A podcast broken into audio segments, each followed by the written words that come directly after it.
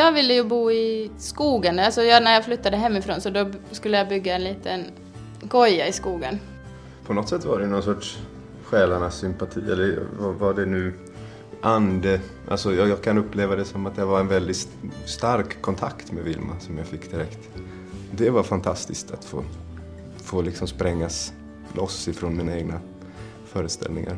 När Helsingforsbon Vilma var 17 träffade hon Per Viktor 26 från Tollered. Per Viktor var inställd på ett liv med villa, Volvo och vovve, typ. Men så kom naturbarnet Vilma in i hans liv och plötsligt började han bygga ett hus på hjul, flytta runt och bo i kollektiv. Så då tog vi en gammal husvagn som vi skrotade och som vi sen eh, byggde upp det här huset uppe på, då, det där trähuset. Det här är ett samtal om livet med Vilma Määttänen och Per-Viktor Hjalmarsson. Jag heter Tina Grönros. Vilma studerar konst och Per-Viktor studerar Waldorfpedagogik. De drömmer om att bo i vagn, eller kanske ett torn, och dit är de faktiskt på god väg. Det blå trähuset på den före detta husvagnen är redan fyra meter högt. Vidare vill de odla sina grönsaker, eventuellt ordna hemskola för barnen och framförallt leva nära naturen. Fast just nu bor de i en lägenhet i Helsingfors.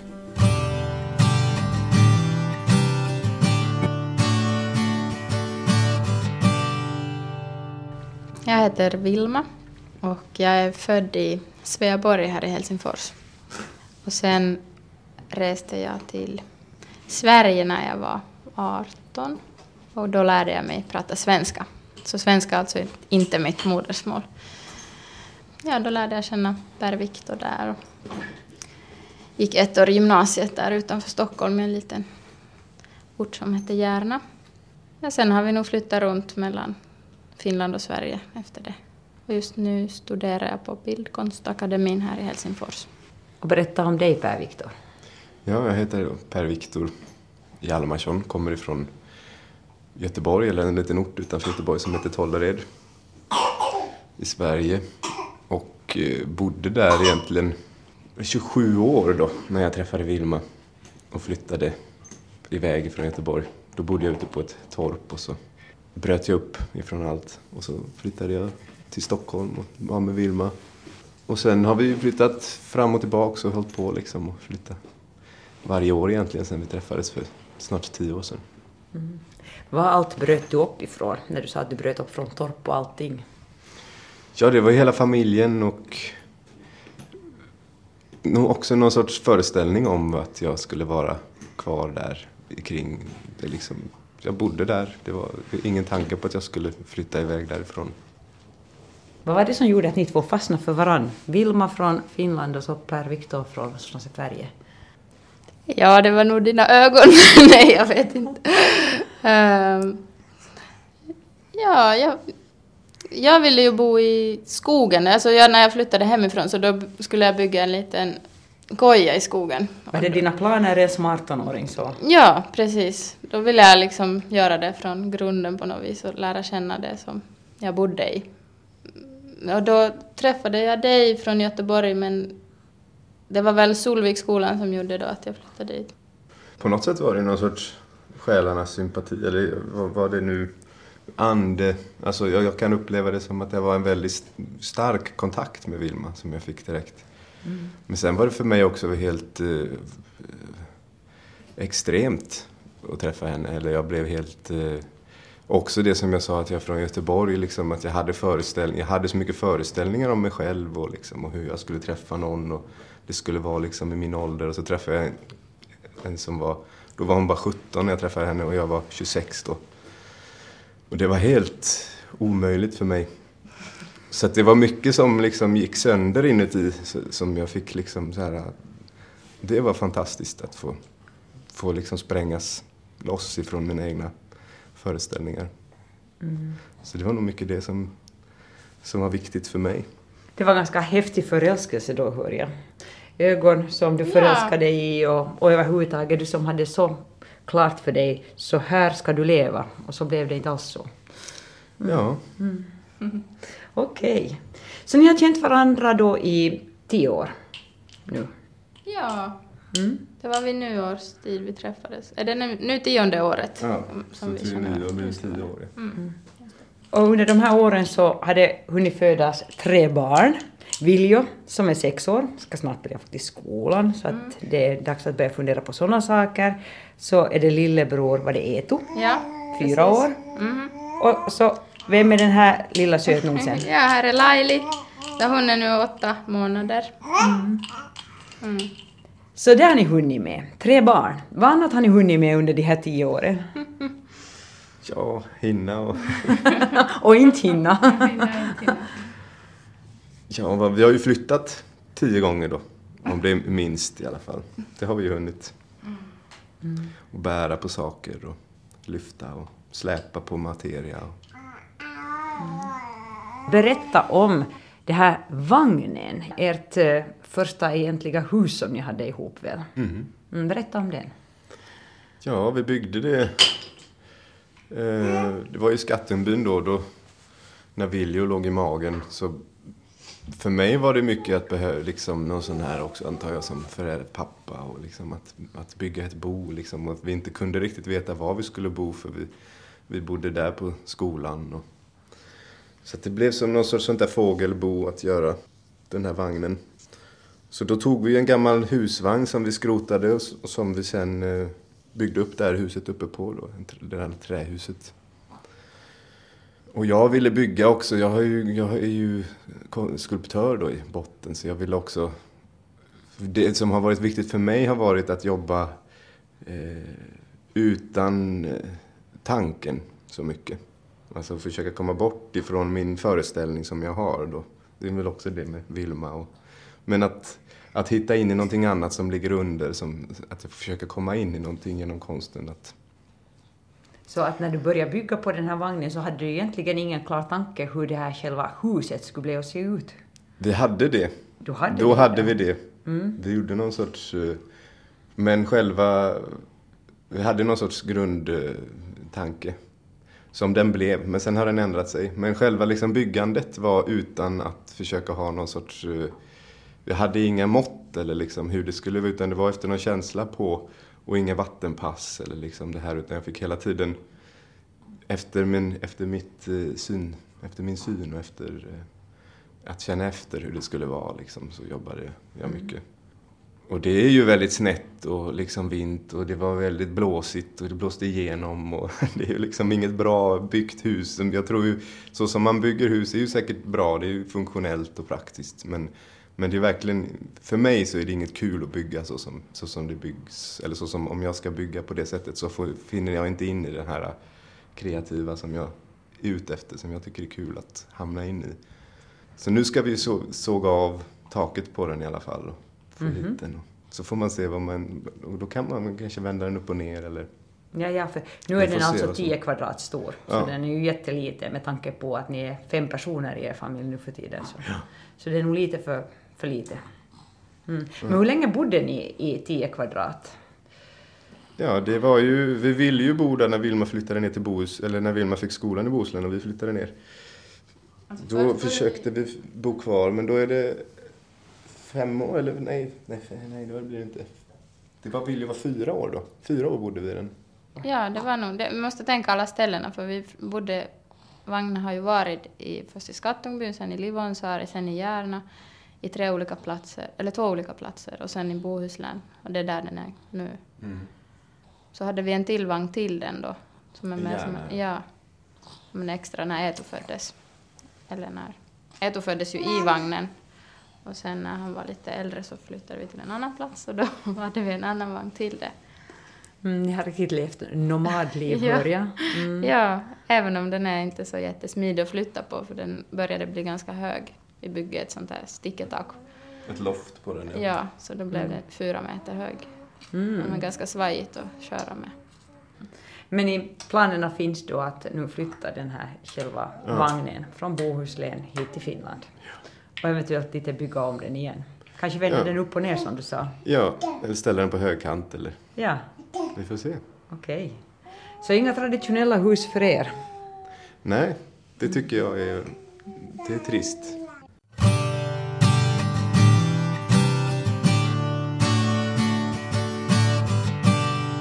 Här fortsätter samtal om livet med Vilma Mätänen och Per-Viktor Hjalmarsson. Paret har flyttat flera gånger mellan Sverige och Finland. De har bott bland annat i Livonsaari som finns utanför Nådendal i den åboländska skärgården. Och så har de också bott på Skattungen i Dalarna i Sverige. Där gick Vilma i skola och lärde sig bland annat ekologisk odling. Det var fortfarande att jag gick på den här odlingskursen där. Mm. Så då hade jag odlingarna där i samband med kursen. Och sen eh, när vi flyttade till Livonsaari då var ju vagnen färdig och då hade vi en liten gemensam odling där i kollektivet. Har det gått bra att vara självförsörjande? Nej, inte har vi varit helt självförsörjande i något skede alls. Eh, det har ju varit mest en sån här dröm och en ett läroprocess, så att säga. Eh, så vi har ju fått mycket finansiellt stöd från både liksom släktingar och, och staten och sen när du har jobbat. Så det har vi nog haft mycket bidrag. Mm, men ni har odlat ändå en hel del? Ja, det har vi. Men eh, inte i den liksom, skalan, skalan som, jag, som jag ser framför mig att man kan göra. Och så. Jag har inte, just på grund av att vi har flyttat så mycket. Så det har många gånger har det varit att vi har gjort en odling så har vi flyttat innan skörden har kommit och sånt. Så att Lämnat skörden till dem? Ja, så att det inte... Så på det viset går det inte ihop att flytta runt och odla och vara mm. självförsörjande. Så det behövs en jordkällare, det behövs en bördig mark och att man tar hand om marken. Och, men jag tror att, det, att vi är på väg dit, eller jag ser det som en... Nu när barnen börjar bli äldre också, att motivationen att flytta är inte lika stor. Så att i något skede så, så oberoende hurdant hus ni bor i så har ni ändå tankar om att bli mera så att säga mm, bofasta på ett och samma ställe? Jag tror det. Ja, det beror på. mm. Jo, men det kanske är så. Jag mm. vet, ja. Det är mycket fast också vid barnen. Jag menar, jag nämnde här att eh, er äldsta son Viljus, han är sex år, småningom mm. börjar han skolan. Mm. Precis, mm. det blir förskola först nu till hösten och sen eh, första klass mm. om ett år. Och då har vi pratat om hemskola. Vi har, känner många som är intresserade av det och du har också... Vi har varit en grupp som har pratat om att, om att dra... Alltså, alltså det med hemskola är ju att det blir inte så mycket att man träffar andra så. Så det, vi har varit en grupp som har pratat om hur man skulle kunna göra det tillsammans och dra igång något som och då har vi pratat om just en, en mobil skola också på det sättet. Att det skulle kunna vara en som, ja, som flyttade mellan platser och när man hade olika saker att lära sig som man skulle kunna vara på olika mm. och träffas upp liksom på olika platser och, och göra projekt gemensamt. Och det, är, det är en spännande, då, det är också tanken att alltså, då skulle man ju kunna åka iväg ner till historiska platser eller liksom på ett helt annat sätt vara mera mm. i den läroprocessen om man nu vill, vill på det sättet. Du har också utbildat dig som lärare nu. Ja, det har jag gjort nu under den tiden. Eller jag, håller på, jag är inte färdig, jag skriver mitt slutarbete nu som Waldorfpedagog i, i Sverige.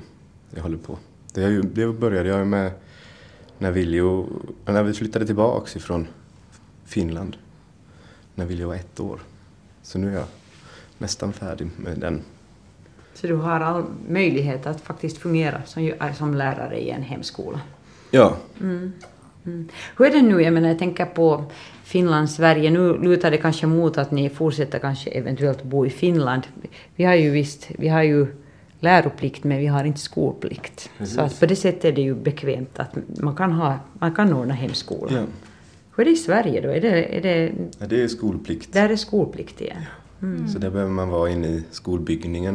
Man mm. behöver inte lära sig något men, men man behöver vara på plats. Så på det sättet är ju Finland kanske ett bättre alternativ för er. Men sen när jag tänker på det här med ert hus och eventuella husbygge så, så här är ju nog byggreglerna jätterestriktiva. Jag tänker på när du sa att du vill bygga, när du bygger ett hus så, så vill du leva en tanke att du ser vartåt det lutar så att säga. Ja. Och det får luta dessutom. Ja. ja så, så hur ser du på det? Jag menar, tror du att det kan bli mycket stridigheter med, med byggnadsmyndigheter? Det beror ju på om man, om man ska bygga, men jag vet ju, det finns ju en, ett speciellt fall i, i Sverige som jag tycker är väldigt intressant. Det finns en konstnär som heter Vilks som har byggt nere i Skåne på Nimis. En, en plats där nere. Han har ute vid, vid havet så det är en sån där naturskyddad plats. Men han har byggt en, det är ju inget hus, men han har byggt en skulptur där. Och det har de ju försökt, byggnadsnämnden och allting, att riva och så här. Så, så han har gjort ett annat hus där, jag kommer inte ihåg vad det heter nu, men det är utbyggt av stenar. Och då har han löst det så att han har gjort det så att varje sten har en, ett nummer. Och, och då är det liksom ett nummer i en bok. Så han, har, han säger att det här är en bok. Och då får man inte enligt tryckfrihetslagen förstöra det här äh, verket. Eller då, då bryter man emot, emot frihetstanken. Så han har liksom hittat sådana sätt. Och det finns väl alltid som konstnär så kan man ju alltid hitta de här sätten hur man kan göra för att göra det man vill.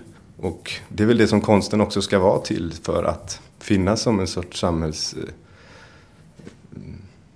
diskut, diskutör eller diskuterare som, mm. som någonstans ifrågasätter och, och ser andra vägar och undrar hur man kan göra. Och är det verkligen så här vi ska göra? Eller indianerna när det alltid var någon som behövde gå in baklänges in i hyddan. Eller att de behövde ha sådana här tricksters som det var inbyggt i den kulturen. Men här har vi liksom, en, konstnären har det men man håller på att bygga bort det liksom lite från konsthögskolorna och säger att det ska bli mera, mer och mer in emot effektivitet och lönsamhet och profit istället för att vara en sån här samhällsdiskutör. Men tror du att du kan hitta några sådana kryphål så att säga här i Finland att, med tanke på att bygga? Ja, alltså annars mm. är det väl bara att, att det rivs. Det är väl inte min, det är ingen fara mer än det. Liksom. Man får väl bara... Du bygger upp och så rivs det och så bygger du upp på nytt. Ja, det får man ju. oh. Mm. Men det, jag vet inte om vi ska bygga något, men jag, jag ser inte att det finns några problem. Vi skulle bygga ett torn, har vi pratat om. Ja, ett torn skulle vara kul. Att bo i. Men sen är det också en annan fråga det här med vagnen. Att i, I Sverige får man ju köra vagnen fast den är oregistrerad. Man kör 30 kilometer i timmen. Medan i Finland vet jag inte, vi vet inte riktigt hur det är här nu. Det har ändrat sig att man måste registrera, eller alla fordon måste vara det. Så då kanske vi behöver be om något extra tillstånd eller sånt. Mm. Vi vet inte mm. ännu. Mm. När har ni planer på att ta ert hus eller er vagn från Sverige över hit till Finland? I slutet av maj har vi tänkt. Ganska snart. Mm. Ja. Så ni har tänkt att bo sommaren i vagnen då, eller ska ni bo i Kottby på sommaren? Det har vi inte tänkt. Nej. Nej, så långt har vi inte tänkt. Eh, lägenheten har vi nog kvar lite till och sen så... Ni bor ju här på hyra nu då? Ja, mm. Mm. ja. Så det kan vi ha kvar. Vi har pratat om att vara i skogen i sommar, kanske tälta. Det här med vagnen måste vi verkligen bestämma oss nu vart den ska någonstans. Mm. Det börjar bli brådska snart. Mm. Oj, för mig som är så här ordning och reda, städa på fredag, så låter det här som att, att eh, jag skulle kanske ha svårt att tänka i sådana banor som er och leva så här fritt och, och, och, och, och det. Um, hur, hur det där, har sådana här tankar uppstått hos er? Hur, hur liksom, till exempel när du sa, Vilma, att du redan som tonåring visste att du vill bo på ett visst sätt, du vill leva på ett visst sätt. Så hur har de egentligen de här tankarna uppstått? Ja, jag tror det är ur nyfikenhet. Och, och jag, jag tror att jag har nog helt enkelt följt det som har varit meningsfullt. Någon slags mm. utforskande av livet. Ja, och nu går jag ju en skola och det är ju ganska regelbundet och det är ju det funkar också det. Liksom. Så jag vill inte heller stänga ut någonting och säga att jag ska leva på det här sättet, utan jag tror att det ändrar sig. Och ibland är det ju smärtsamt att låta det ändra sig, som till exempel nu att vi bor här i lägenheten. Och, och det är inte som att barnen kan bara springa nakna ut liksom så får man inte göra här i stan. Och det är ju massa saker som jag hela tiden kommer på att oj, det här är visst inte så som jag skulle vilja ha det just nu. Men samtidigt så är det mycket annat som jag får...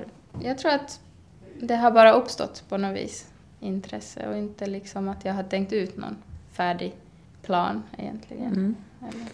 Men dina funderingar så har de avvikit eller avviker de mycket från om du jämför med, med dina egna föräldrar till exempel?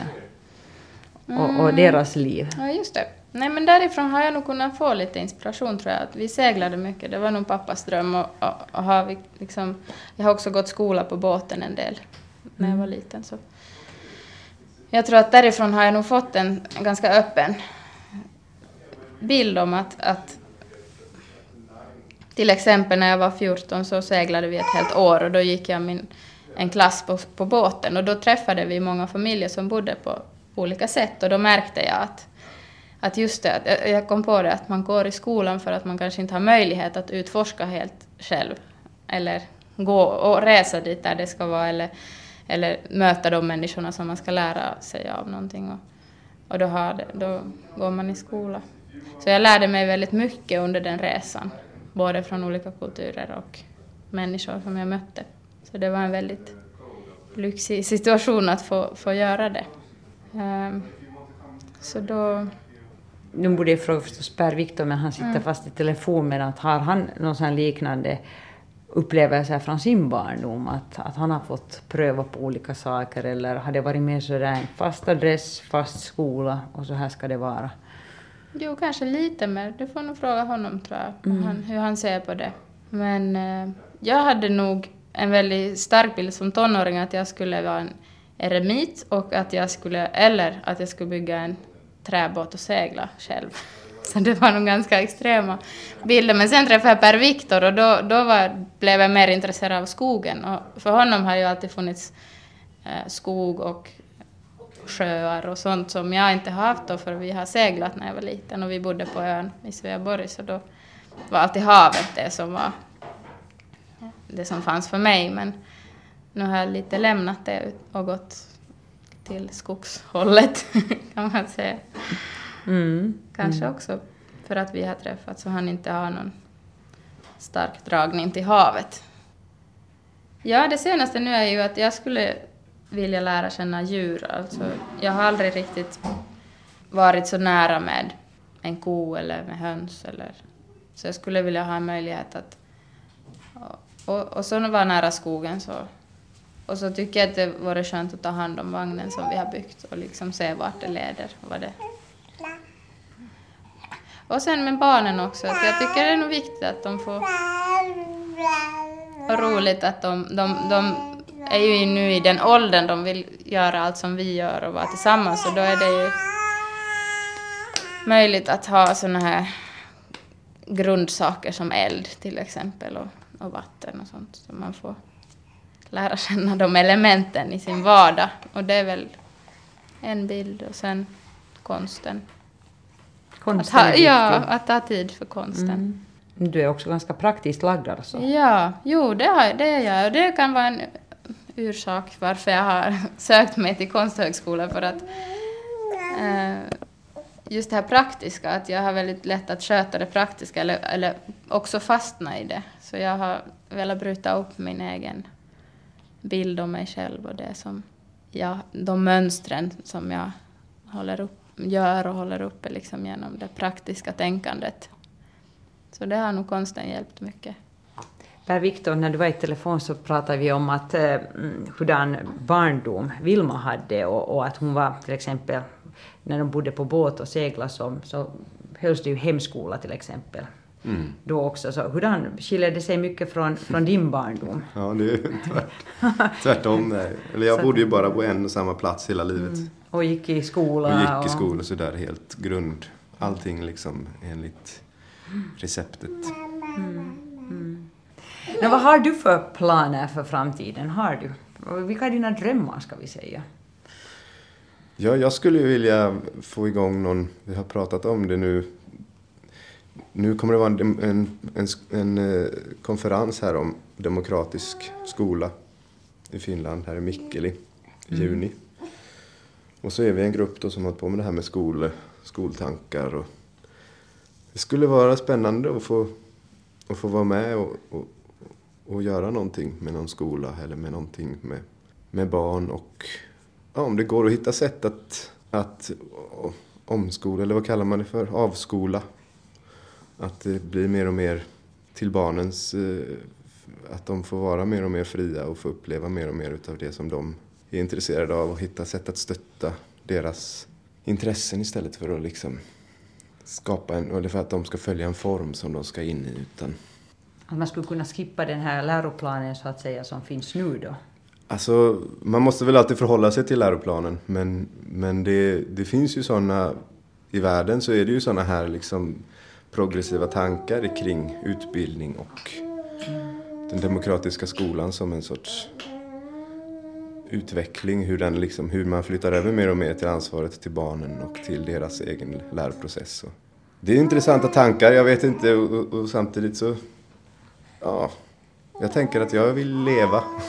Och jag vill låta leva, och se om man kan hitta sätt att låta, låta leva. Hur ser andra människor på ert, eh, era ska vi säga, livsval och det sätt som ni lever? Vad har ni det... fått för kommentarer bland folk? Ja, jag vet inte riktigt hur... Min syster tycker att jag är ju knäpp, men eh, hon tycker också att jag är väldigt fin. Men, men, eh, fin men knäpp. ja.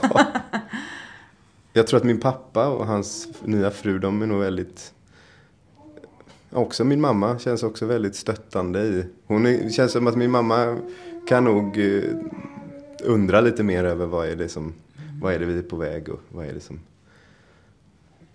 Men vad är det för andra människor runt omkring? Jag, jag känner inte att det är någon som, någon som riktigt tycker att det är något konstigt eller... Det är liksom väldigt positivt. Ja, vi får ju, som jag känner det, får vi mycket stöd. Familjen? Ja, från din mamma och pappa och liksom att det, det är ju och från mina föräldrar liksom att det och de som är nära mm. Eh, och vänner och liksom sen kanske det är klart om man skulle byta forum och gå och prata om sina drömmar någon annanstans där det skulle bryta mot någonting så skulle man ja, kanske få en annan... säga, för ni, har säkert, ni rör er säkert bland likasinnade. Ja, ja det är ju det. Det är ju säkert någonting att tänka på.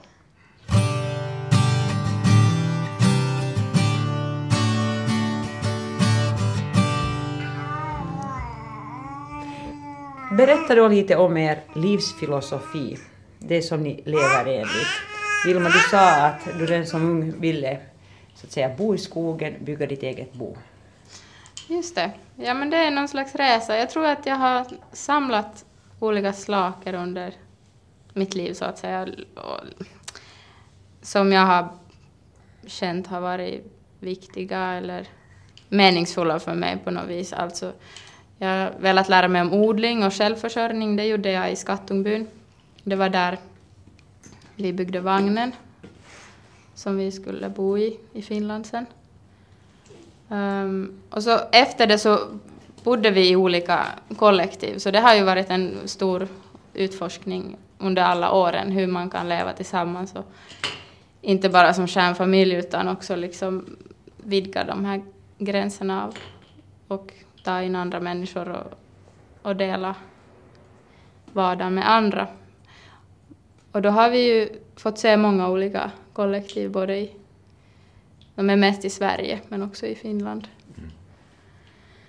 Och sen i något skede, jag tror att det var när Eto var bebis, och jag var, då jobbade du en del där i, på Solvikskolan. Och, då, och Solviks skola finns ungefär var i Sverige? Den är där i Järna. Mm. Uh, Lite söder om Stockholm? Ja, söder om mm. Stockholm, precis. Och då var jag hemma med både Viljo, två år, och Eto, bebis. Och då, då kände jag mig liksom äh, att jag saknade konst. Ja, då, då bodde vi i vagnen också. Att jag saknade konst och det blev, kom väldigt starkt i mig att jag ville liksom börja måla och få mer och mer tid till, till det. Och då sökte jag mig till lite senare då till sådana här konstskolor. Så vad är min livsfilosofi? Jag vet inte, jag tror att det, just nu är det, ser jag det som en resa lite grann, att, vi, att jag liksom i alla fall eh, på något vis samlar på mig som näring från världen. Och sen är jag nog på väg någonstans. Och vad det är jag är på väg på det kanske jag inte riktigt vet eller kommer ihåg alltid. Men att eh, inte är det här i stan i alla fall. Ja, så jag, jag saknar nog det där som också um, fanns tio år sedan det där att bo i skogen, så det, det finns nog kvar. Men det hände massa saker under resans gång här. Mm, och först ska du ha skolan klar. Hur mycket har du kvar av dina studier? Ja, det, till magister så är det ju då, uh, vad är det, nu är det mitt andra år, så då är det tre år kvar. Mm. Tre och ett halvt. Uh, men först ska jag göra kandidat i, mm. och sen nu har ni tänkt att ni ska bo kanske ändå i Kottby så länge, eller i Helsingfors åtminstone så länge som, som du studerar då? Ja, det, det är lite oklart faktiskt. Eh, det finns en möjlighet också att, att flytta någonstans i närheten av Helsingfors. Och det är ganska flexibla studier, jag kan också jobba hemma mycket och så. Mm. Men den där drömmen om att bo i vagnen, när mobila huset finns fortfarande kvar då? Ja, vi vill nog liksom, den finns kvar, vagnen finns kvar. Men hur tanken är att bo kvar, nu är vi ju så många fler, alltså då var, det är ju 10 kvadratmeter bara den här vagnen. Så vi kommer inte rymmas i bara den, så då borde vi bygga mera i så fall. Och det har vi pratat om. Att vi får se när vi nu drar den hit. Och den är ju i dålig skikt liksom. Att men det är ganska öppet är det. Det kan finnas något gammalt hus som vi hittar eller om vi, hur det nu blir. Mm. Tror ni att den dagen kommer när ni tycker att oj, vitsigt vad skönt om livet skulle vara väldigt bekvämt? Nio till fem jobb och sen kommer man hem och så tittar man på TV och så äter man middag och sen går man och lägger sig. Jag hoppas verkligen inte det. Det, det är verkligen... Nej, då, har jag, då känns det som att då har jag blivit uppäten utav monstret. Vilket monster? Den här bekvämlighets... Eh, som är inuti, som vill att jag ska släppa, som vill att jag ska liksom inte hålla mig närvarande, inte hålla mig vaken, mm. inte hålla mig nyfiken, utan som vill att jag ska liksom fastna och, och komma in i någonting och tänka på samma sätt och bli liksom matad utav den här världens rädslopropaganda och liksom Usch, ja, ja, nej, det, det, det är mardrömmen att fastna där. Men under den här vägens gång när det någon gång har varit mycket motstånd, det har varit, ni har haft motgångar med någonting till exempel, det har varit kallt, det har varit jävligt och ni har varit er, uh, ute i er vagn. Har ni inte någon gång drömt om att oj vad skönt det skulle vara att uh, vara inne i en lägenhet där det är 22 grader varmt? Jo, jag minns en gång det var en natt och då var ju Eto bebis och jag ammade och på natten och det var just så där blåsigt. Vi stod jättevackert på en kulle i en hästhage så var det sådana fina arbetshästar och allting var så vackert och det var en sjön men sen tänkte vi inte på att det blåser ju på fältet och också från sjön riktigt kallt och, och som Per-Viktor berättade om vagnen att den inte var riktigt tät.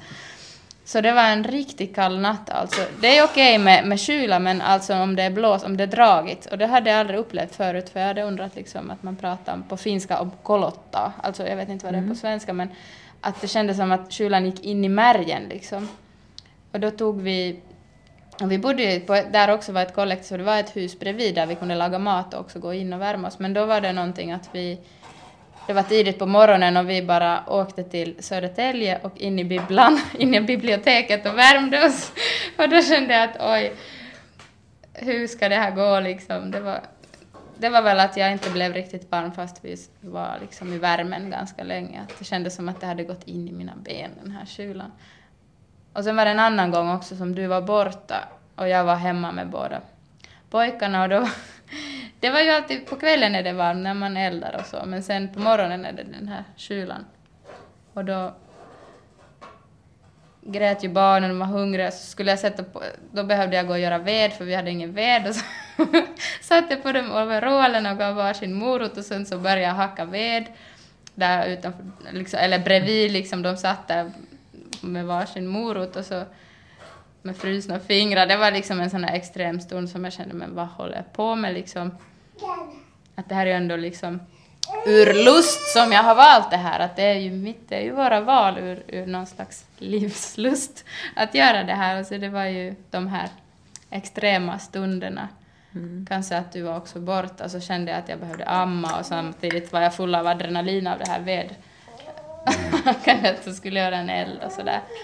Det, det, det är klart. mjölkflödet. ja, jag märkte att oj, det var visst inte så lätt att amma efter det för att jag inte var så avslappnad. Liksom. Att jag skulle göra båda de här liksom, riktigt snabbt och effektivt. Liksom, hugga veden och tända eld och göra värmen och samtidigt liksom vara i någon slags... Men, men det där är ju bara liksom sådana extrema stunder. Sen är det ju för det mesta så är det ju fullt av allt möjligt. Så det är ju liksom också... Det är inte bara det hårda men, men mycket av det var det ju det. Att bära vatten och tvätt och, och ändå hade vi tillgång till ett hus som var bredvid liksom. Att, som gjorde det hela mycket lättare. Men hemskt mycket tillbaka till naturen, jag menar många årtionden tillbaka i tiden. Har du haft någon sån här extrem stund eller en sån här stund som du har tänkt att nej nu, det här, nu ger jag upp, nu, nu flyttar vi in till stan? Alltså vi gjorde ju det. men, eh, men inte för att det var... Alltså jag har nog mera tänkt att liksom, hur ska vi göra för att få det liksom... Hur ska vi göra så att inte man behöver vakna med dragiga eller liksom med kylan in i märgen eller... Så vi har haft massa tankar om hur man skulle värma upp vagnen och liksom hur man skulle kunna göra med, med något vattensystem, varmvattensystem och så. Men eh, jag, alltså jag, har, jag har nog haft sådana extrema stunder men jag har ju mest blivit, så blev, har jag mest blivit förbannad tror jag. Inte sett möjligheten att liksom, nu kan jag ge upp det här eller liksom Nej, jag kan inte riktigt se, det, se, se, den, se den i historien liksom. Mm.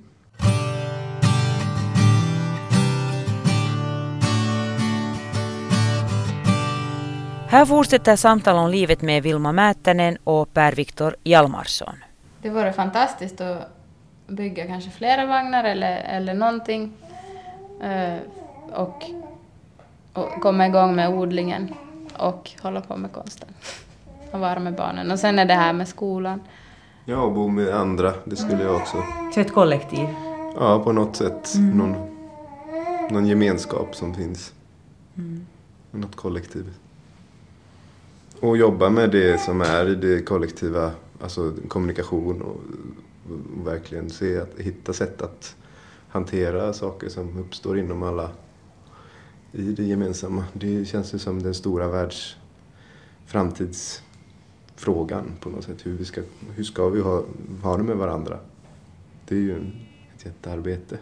Eller hur ska vi ha det med oss själva kanske mera? Och förstå oss på oss själva och mm mm. se att inte problemet ligger hos någon annan utan att det är hos mig som själva Är det möjligt att jobba med det i alla fall? Alltså ja. att de sakerna som jag känner och upplever har jag all möjlighet att jobba med. Jag kan inte ändra på någon annan. Och när det gäller ska vi säga, jobb så vill du gärna jobba med konst, Vilma, och du skulle gärna jobba inom undervisning. Eller? Ja, jag vet inte om jag skulle vilja under, undervisa. Men hur ska ni försörja er? ja, ja, nej men alltså jag, jag tänker på ordet, ordet där. Mm. Men det är väl... Eh, nej men alltså närvara, det tycker jag var fint som du sa. Jag skulle vilja närvara. Ja, och det där med självförsörjning och den odlingen. Och, och det, det, det kanske också tillhör med, med den känslan av att, att vilja vara i, i den sfären också med barnen att, att, och det som finns runt om hemmet. Och, och, att så mycket som möjligt att kunna liksom finnas där på plats på något sätt och inte utföra något jobb långt, långt borta och sen liksom ha någon slags fritid. Utan att alltid skulle vara det meningsfulla. Även om det, ja, det är ju mycket arbete med det också. Vad gör ni sen när barnen blir stora? Eller om barnen inte vill leva som ni längre?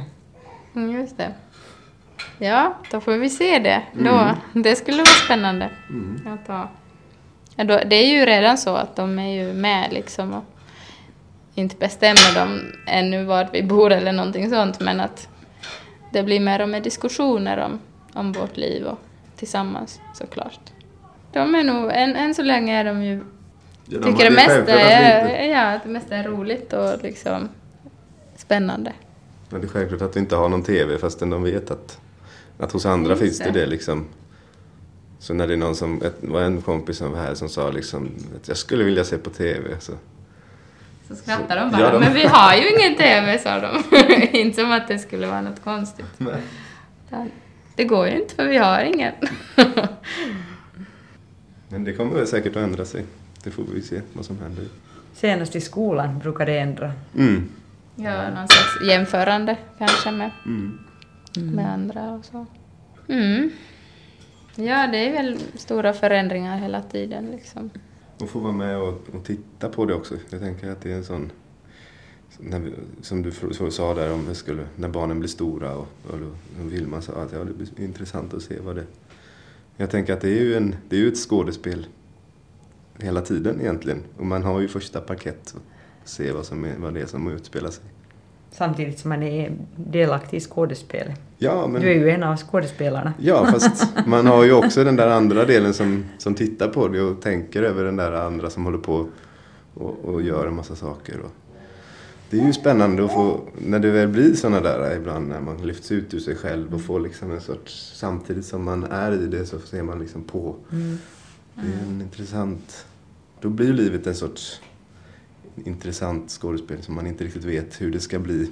Och man får vara med och uppleva rädslorna och skräcken och glädjen och kärleken. Det är intressant att höra det här för det finns så många unga som har det här, de har helt klart för sig vad de tänker och vill och för framtiden och då kommer det oftast in det här också eh, med pengar och med viss status och allt det här. Ni har inte alls någonsin haft sådana tankar då tydligen att det är viktigt till exempel att ha ett visst jobb, det är viktigt att förtjäna pengar, det är viktigt att ha äga det ena och det andra. Jo, jag har haft, jag var fullt utav det när jag var tonåring och kom ihåg vi satt med en kompis och sa vem, vem ska bli miljonär? Och det, jag har varit väldigt inne i sådana, i det gemensamma där liksom på ton, som, bara som pågick i allas tankar. Jag hade nog inte det. Och jag, det kanske är en ganska privilegierad liksom, situation att kunna, kunna helt välja att nej men jag flyttar till skogen och bygger en koja nu för det tycker jag är intressant. Och det, det bygger väl på att det finns en, att jag är född i en välfärd, alltså i, i ett land där jag kan känna att det finns överflöd av mat till exempel. Att, att jag har aldrig känt att jag saknar någonting på det sättet. Även om vissa tider har vi inte haft så mycket pengar men att det har aldrig känts läskigt. Eller liksom att, sen har vi ju alltid haft våra familjer till exempel som kan liksom stötta och så. Så det har ju varit att kunna ägna mig åt liksom mig själv och, och mitt inre liksom. Så det är ju väldigt privilegierad situation. Som borde vara allas Ja. situation i hela världen. Ja. Hur upplever ni att ni är så här känslomässigt? Jag vill inte sätta ord i munnen, att ni, jag vill inte fråga så här kort att är ni lyckliga? Utan mer så att hur upplever ni att ni har det just nu? Hur upplever du? Hur känner du? Just nu känner jag nog en åtta.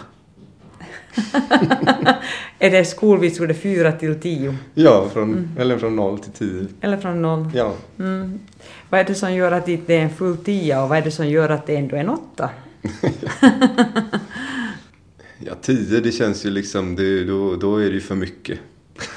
då är det eufori och då svävar jag iväg ifrån den här jorden. Men det är ju skönt ibland att känna kanske. Men, men åtta, det känns som en väldigt skön siffra. Jag känner mig liksom lugn och jag är här på jorden. Och, och helt, jag är nöjd med allt som det är just nu. Per Viktor valde att eh, säga sitt liv, hur han känner sig just nu, livssituationen, som en siffra, som en åtta. Hur skulle du säga att, eh, hur känner du att livssituationen är just nu? Och då måste jag allt väl säga nio då. Ja, du använder det också av siffror. Aha, man Ja. behövde inte. Jag trodde det var in, ingick i frågan. Men Nej. då ska jag inte ta en siffra, nej. Eh, hur jag känner mig? Jo, jag känner mig jag är riktigt nöjd. Jag, jag, jag har fått göra det som jag har velat i, i liksom, kan studera konst och jag har, kan vara här Härliga med, barn. med härliga barnen och varje dag så väldigt rik. Och att jag känner mig också Ja, att jag har energi av att, att liksom gå igenom allt som, som jag behöver gå igenom i mig själv. För att liksom vara... nöjd. Nöjd. Nöjd. Jag ja. trodde nästan du skulle säga lycklig, men du väljer ordet Nöjd, nöjd. ja, ja, det var spännande. Men där tänker jag att man har det man behöver, eller liksom att jag har det jag behöver. Och att jag är nöjd. Och i det så ingår ju lycka och allting. ja.